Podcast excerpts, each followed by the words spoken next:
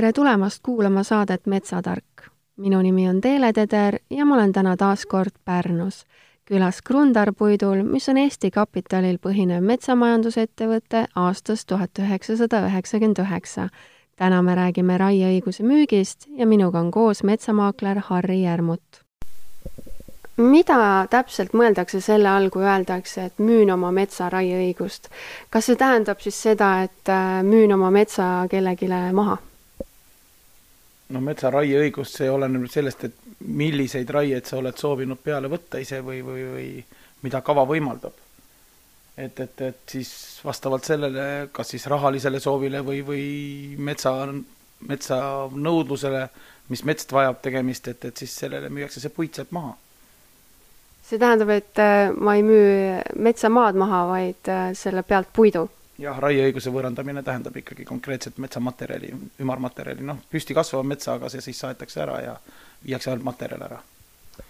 kellega peab metsaomanik kooskõlastama ja millist dokumentatsiooni vormistama, et saaks oma metsas raietöid äh, läbi viia või siis selle tarbeks äh, raieteenust sisse osta?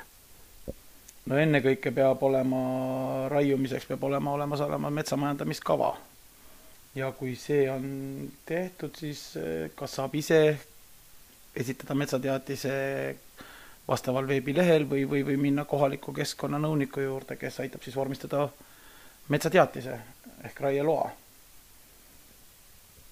et, et ja vastavalt siis sellele, kuidas see läbi viiakse seal, kui palju omanik soovib või kui palju tal võimaldatakse seda, et siis vastavalt sellele müüakse ka edasise, edasine raieõigus maha aga räägime naabritest ka. kas ja millistel juhtudel on naaberkinnistu omanikul minu metsas planeeritavale raietööle õigus äh, kaasa rääkida? no ütleme niimoodi, et otsest õigust tal ikkagi ei ole, noh, heasõbralikult te võite kooskõlastada omavahel, et võib-olla tema maja asub seal kohe metsatuka kõrval, et sa jätad siis temaga kokkuleppes mingi riba püsti või mis iganes, on ju. aga see on sinu kinnistu ja, ja sina teed seal ikkagi, majandad nii, nagu seadus ette näeb. nii et sisuliselt naabril ei, ole õigus äh, midagi kaasa rääkida? selles suhtes kindlasti mitte, et, et, et, et ainukene, et, et siis ongi, et nüüd vastavalt seadusest tulenevatele piirangutele, asjadele. aga kas ma peaksin äh, oma naabrit äh, teavitama sellest, mis minu metsas toimuma hakkab? ma ütleks, et ma ei tea, et see kohustus konkreetselt on, aga, aga noh, kui sa naabrit tunned, tead, kus ta on, et ega ei ole ju raske öelda või kui sa tahad kasutada midagi, kas väljaveoks või ligipääsuks tema maad, siis kindlasti on vajalik. aga raietööde puhul otseselt kinnistu piires küll ei ole vaja. kas siis ainuüksi kehtiv seadusandlus võib minu küpsele metsale raiepiiranguid seada? jaa, ja sellest siis olenebki, et, et, et, et seadus ütleb, et kui palju võib korraga raiuda pindalaliselt, kui vanalt, ja, ja siis loebki, et, et millal on eelnevalt kuskil raietöid tehtud, kuidas on liitumised naaberkinnistutega, asjadega, et see on juba puhas seadus, et vanad eestlased jälgisid metsa raiudes alati kalendrit ja kuufaase. kas ka tänapäeval on raietegevus seotud aastaaegade ja kuufaasidega mingilgi määral? kindlasti eh, puidu seisukohalt ma arvan, et, et mitte et, et minu loogika ütleb, et, et vanasti, kuna ei olnud nii palju neid kaitsevahendeid, asju või, või neid immutusaineid, millega puitu nagu säilitatakse kauem, siis tänu sellele raiuti ikkagi talvel ja, ja noh, maapind kindlasti võimaldas seda kõige paremini, et, et, et, et ei olnud ju niisugust raske tehnikat, asja, mis kannab, et, et aga jah, ega on ju kindlasti kohti, kuhu ei ole otstarbekas minna ju lihtsalt masinaid uputama, et, et valitakse sellest siis kas siis suvel, tavaliselt on augustikuu kõige kuivam ja, ja talvel siis külmal perioodil. aga raie toimub ikkagi aastaringselt tänapäeval juba. nii et põhimõtteliselt võib metsa teha aasta läbi, ükskõik millal? vastavalt vajadusel. Harri, ütle mulle, mis äh, on metsamajandamiskava ja kuidas see metsaomanikule kasulik on? metsamajandamiskava on konkreetne üks köidetud raamat, mis annab sulle siis piltlikult ülevaate, milline su mets on kui küpse ta on, kui palju seal on mingit puuliiki, pindalaliselt, seal moodustatakse eraldiselt, palju sa raiuda võid. kas seda metsamajandamiskava on siis vaja ainult äh, siis, kui plaanitakse raietöid? no ilma selleta kindlasti raietöödel ei saa, et noh, muidugi on, mingid mööndused on, et eraisikutele on kuni viis hektarit on raie kava ei pea olemas olema, aga, või tähendab metsamajandamiskava, aga üle selle on juba kohustuslik. et, et mitte ainult raiumiseks ei ole seda vaja, kui inimene tahab ka seda kinnistut müüma näiteks hakata omale, et, et, et saada ka piltlikult võtta erinevatelt ettevõtetelt pakkumist ainuüksi majandamiskava alusel juba, et omale mingit numbrit luua. ja, ja, ja, ja noh, kui inimene mitte midagi oma metsast ei tea, siis midagi ikka välja loeb sealt ka siis alla viie hektarise kinnistu puhul. kui kauaks äh, metsamajandamiskava tehakse? Äh, kümneks aastaks koostatakse see kas ja kuidas saab Krundar Puit metsamajandamiskava koostamisel ja metsateatise esitamisel metsaomanikule abiks olla? ikka, inimesed tellivad meid praegugi, tellivad ju metsamajandamiskavasid. mina teen neile hinnapakkumise selle koostamise kohta, kui ta kinnitab selle, siis lepitakse kokku, kas ta tahab kaasa minna või mitte, käib taksaatoriga, saab kaasa minna. taksaator käib metsas ära ja, ja siis laetakse andmed registrisse ja audiitor kehtestab kui kaua see protsess kõik äh, aega võib võtta? no esimene ots taksaatoriga nüüd oleneb taksaatori tööjärjekordadest ja, ja inimese teinekord on väga kiired loomulised asjad. et, et noh, esimene ots üldjuhul ikkagi üle kahe nädala ei lähe. et kuni laetakse üles registrisse, aga audiitoritel on minu teada kolmkümmend kalendripäeva on aega kava kinnitada siis. nii et äh, kiiremal võimalusel on metsamajandamiskava võimalik paari kuuga kätte saada no kiiremal võimalusel ma arvan isegi võimalik kuu ajaga. aga kas äh, aitate ka metsateatise esitamisel? jaa, olen ka seda teinud, et, et kui inimesed palju paluvad abi, et, et, et näha, kui palju nad seal midagi raiuda saavad, ehk siis noh, kindlasti palju oleneb sellest ka, tuleb koha peal, kui on kõrvalnaabrid on raiunud, et tuleb minna vaadata, et, et kas on liitumised on olemas või ei ole, aga üldjuhul aitame planeerida ka raieid ja, ja ja, ja esitada dokumente, et, et muidugi omanik peab ise alla kirjutama nendele, mina nendest alla kirjutada ei saa. millised on raieõiguse võõrandamise lepingus välja toodud äh, tüüptingimused? no eks see on nüüd äh, müüja ja ostja vaheline kokkulepe, et, et tavaliselt noh, kuna metsaomanik igapäevaselt ise ei tegele sellega, siis ikkagi ettevõttel on tavaliselt oma lepingu versioon olemas. mida peaks siis seal tüüptingimustes nimetama, on kindlasti kinnistu andmed mm, kokku lepitud siis raie ulatus, summa, periood, noh, periood on tavaliselt ikkagi lähtuvalt ikkagi, kui mingit erikokkulepet ei ole, on üks aasta raieteatise võtmisest. ja, ja kui on muid tingimusi seal, selleks on nemad punktid, kontaktid, kontonumbrid. kõik põhiline? jah, mis seob ära, et, et, et ikkagi teab inimene konkreetselt, on punktid sees, et mida ta siis müüb aga milliseid ohukohti peaks metsaomanik eelvormistatud lepingutes äh, jälgima? kindlasti on üks asi, mille pärast seda tehakse, on raha tasumine või noh, kokkulepet summa saamine, laekumine, et, et, et kas siis lepitakse kokku, et, et tasutakse mingi osa ette kohe lepingu sõlmimisel, enne pealeminekut ülejäänud või siis kohe kõik või noh eks suuresti on osa see, et ikkagi, et, et, et turvalisuse tekitab see, et kui sul on raha ennem kontol, kui ikkagi mingi masin metsa läheb. aga tehakse ka teistmoodi, et makstakse hiljem. mida võiks äh, metsaomanik nendele tüüptingimustele veel lisaks lepingus kindlasti ära sätestada, kas on veel midagi? no ütleme niimoodi, et, et, et, et suures pildis ikkagi naaberkinnistu omanikega kokkulepped, asjad, et, et, et, et inimene ei pea ise siis hakkama nagu sellega, kui ta saab kaasa aidata, on väga tore, on ju, aga, aga üldjuhul ikkagi metsafirma, kes ostab raiet, proovib leppida ise kokku need väljaveoteed, laoplatsid, ise puhastab, koristab pärast, annab üle. et see nagu on, et, et, et inimene ei saaks seda pärast oma kaela, et kas raieõiguse müümisel on mingisuguseid erinevaid äh, lahendusi? kui on, siis äh, palun kirjeldage neid lähemalt jaa, raieõigust võib müüa potikaubana ehk et, et, et saadki kogu raha kätte selle eest, mis tahad ära müüa. ja, ja siis teine võimalus on teha kokkulepe hindade peale, et, et, et tuleb nii palju, kui tuleb, metsast hinnad on kokku lepitud. mida teie kogemus näitab, et kas minnakse kokkuleppe hinnale või pigem oodatakse tulu metsamaterjali metsast väljatuleku alusel? seda nii ja naa. ütleme, kui on metsa lihtne hinnata, et tegemist on valdavalt ikkagi lageraietega siis noh, sealt ei saa kuskilt juurde puitu tulla või mis iganes, et, et, et seda suudab igaüks ära hinnata siis, kes vähegi metsaga tegeleb. ja, ja lageraiete puhul on mõistlik teha ikkagi juba fikseeritud hind. aga kui on niisugune hästi palju harvendusi või asju, et, et, et kus me täna ei tea, et, et palju sealt siis reaalselt lõpuks välja tuleb, noh, sealt midagi saab tuletada, on ju, aga ikkagi täppisteadust ta ei ole, et, et, et siis harvendusraiete puhul oleks mõistlik teha võimalikult siis väljatuleku peale need sortimentide hinnad, et, et et saada siis äh, vastavalt omaniku soovile siis ikkagi noh, ütleme niimoodi, et, et tavaliselt talunik ikkagi tahab, et, et mitte ainult raha sealt saada, vaid ka, et ilus mets alles jääks, selleks tuleks siis raiuda väheväärtuslikumad puud sealt välja.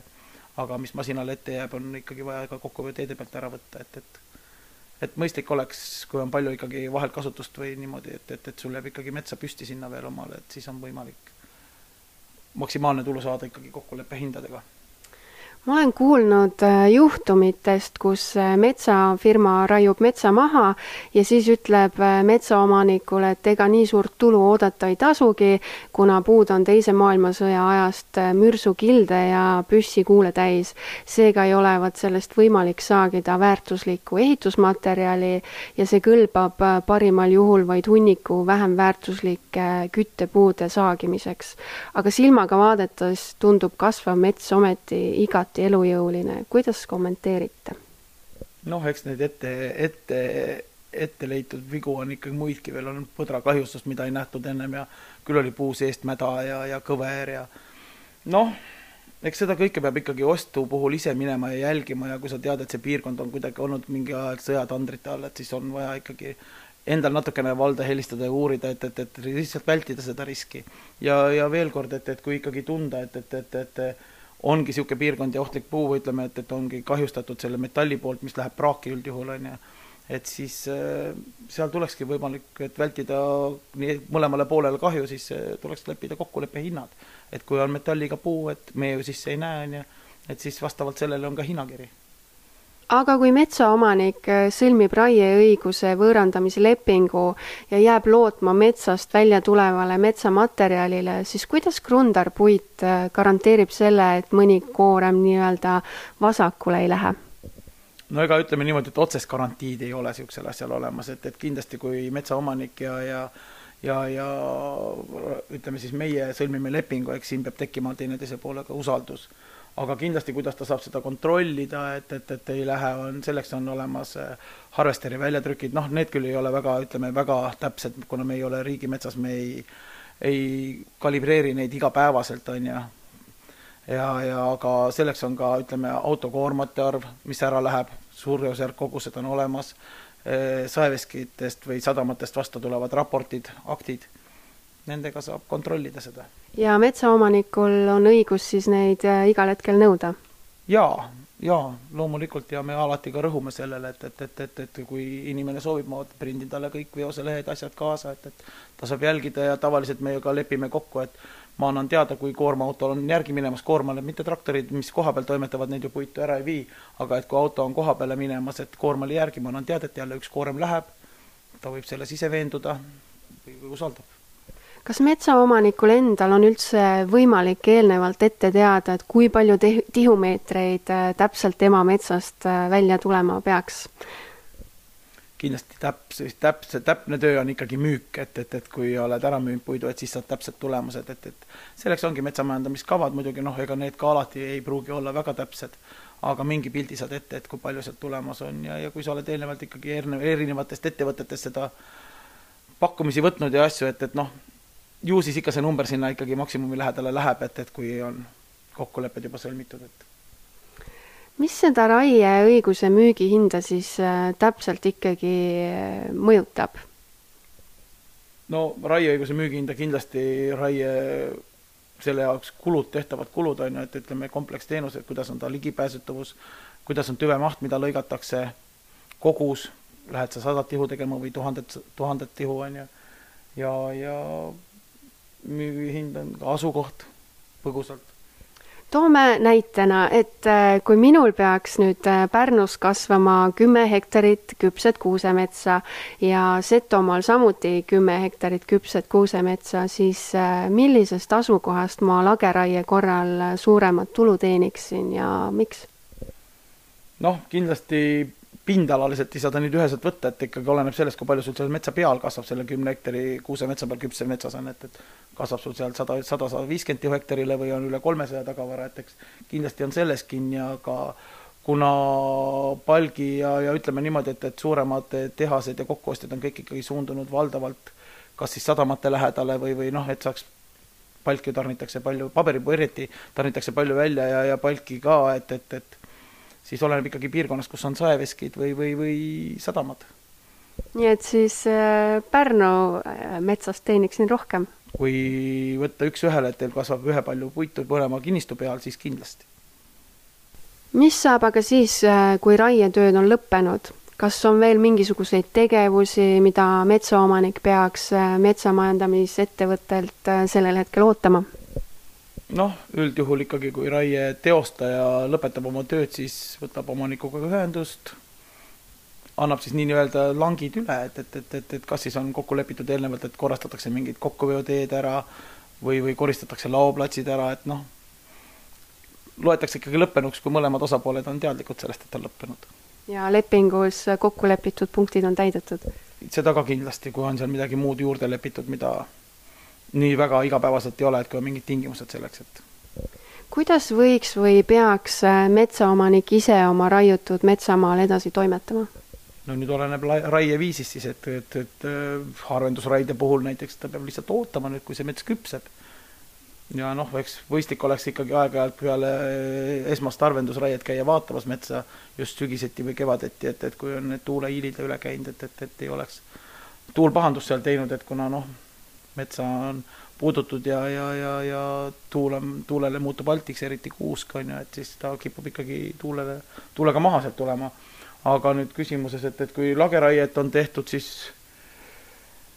eks siis tuleb vaadata nüüd, et millal siis sobiv aeg leida, et, et, et või nõu pidada, et, et, et millal siis hakata kas uuendama või jääda looduslikule uuendamisele, et, et nüüd oleneb juba jah, metsaomaniku enda soovist ja, ja, ja, ja ka seadusest tulenevat nõuetest milles seisneb metsas maapinna uuendamine ja kuidas see täpselt ikkagi käib? siin on mõeldud siis maapinna ettevalmistus, et, et, et see tõestatakse traktoritega, et, et, et on taga maapinda valmistatakse ette kas siis eh, mätastamise teel või randaalimise teel, et, et niisketes kohtades tehakse kopaga, tõstetakse mättad, et, et saaks taim ilusti kasvama seal mätta otsas ja, ja, ja, ja muidu tehakse randaaliga, pööratakse tagurpidi, et, et ei heinastuks kohe see istutatud taim. Äh, kuidas äh, ja kas võiks metsamajandamisettevõte metsaomanikule raiejärgse metsamaa uuendamisel abiks olla? noh, kindlasti on ettevõtteid, kes annavad ise abi juba eelnevalt juba kokkuleppel tehakse, et, et, et kui te teostate lageraiet, et, et kas me saame ka kokkuleppele, et, et, et aitate taimed soetada ja maapinna ette valmistada ja istutustöödega, või siis on, tänapäeval on ühistud, inimesed on ühistu liikmed ja noh, toetusi saab niikuinii läbi ühistute, et, et mõistlik oleks võib-olla ka sealt küsida. millistel aastaaegadel oleks kõige mõistlikum äh, metsamaad istutamiseks ette valmistada?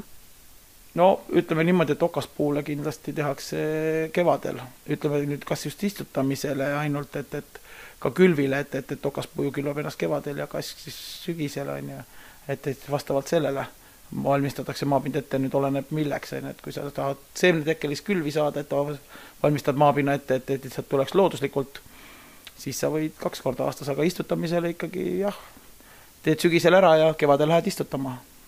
mis aastaaegadel ja milliste puude istikuid maha istutatakse? noh, ütleme kõige suurem istutus käib ikkagi kevadel, varakevadel, et kui lumi on sulanud ja, ja maapind juba võimaldab istutada, et et istutatakse, aga mingil juhul istutatakse ka tänapäeval sügisel juba kuuske, et kuigi ma tean, et kui ma Soomes õppisin metsandust, siis kuuske, kuna kuusk on hallatundlik puu, et, et siis vasta sügist halladele tänu sellele väga ei istutatud, et, et kardab külma. et pigem soovitaksid seda teha ikkagi kevadel? jaa, sellega siis terve suvega ju maapind on soe ja loodus on soe vett täis, et, et ta jõuab juurduda ilusti ennast ära vastu talvelt. aga suvel kindlasti mitte? jaa, puu jääb kuiva kätte. kui tihti ja millist raiet võiks metsaomanik oma metsas teha, et see oleks arenguvõimeline ja toodaks seeläbi suuremat tulu ka tulevikus? no kui hakata sellest pihta, et, et, et kui tihti seda teha, et, et ega ta päris niisugune viljapõld ei ole, et ega siis ongi, et, et kui sa istutad juba noore metsa, et juba, kui sa sellest hakkad juba vaikselt ikkagi hooldama juba teda noorest alates, et, et teed õigel ajal valgustusraied, harvendused, siis kui sa ei taha lageraiet, teed lõpus need turberaieliigid, et uus mets hakkab alla tulema, et, et eks see ongi niisugune jätkusuutlik metsamajandamine, et, et seda jah, saab kohe rikkaks ja saab ka tasapisi kellel veel infost väheseks jäi, siis saate kõigest lähemalt lugeda Krundar-puidu kodulehelt www.krundar.ee. kui teil on aga metsandusega seotud küsimusi, millele te käesolevast saatest vastuseid ei saanud, siis edastage need e-posti aadressile teele.teder at ekspressmeedia.ee. järgmises saates räägime lähemalt erinevatest raieviisidest ja nende otstarbest lisaks räägime lähemalt sellest, kuidas ja milliste vahenditega raietöid läbi viiakse. Kuulmiseni! mets on eestlasi alati aidanud, toitnud, katnud ning kaitset pakkunud. meie teame seda ja seetõttu suhtumegi metsa aupaklikult. Krundar Puit, eestimaine metsamajandusettevõte aastast tuhat üheksasada üheksakümmend üheksa küsi tasuta hinnapakkumist kodulehel krundar.ee või helista viis kaks viis üheksa seitse kaheksa kaheksa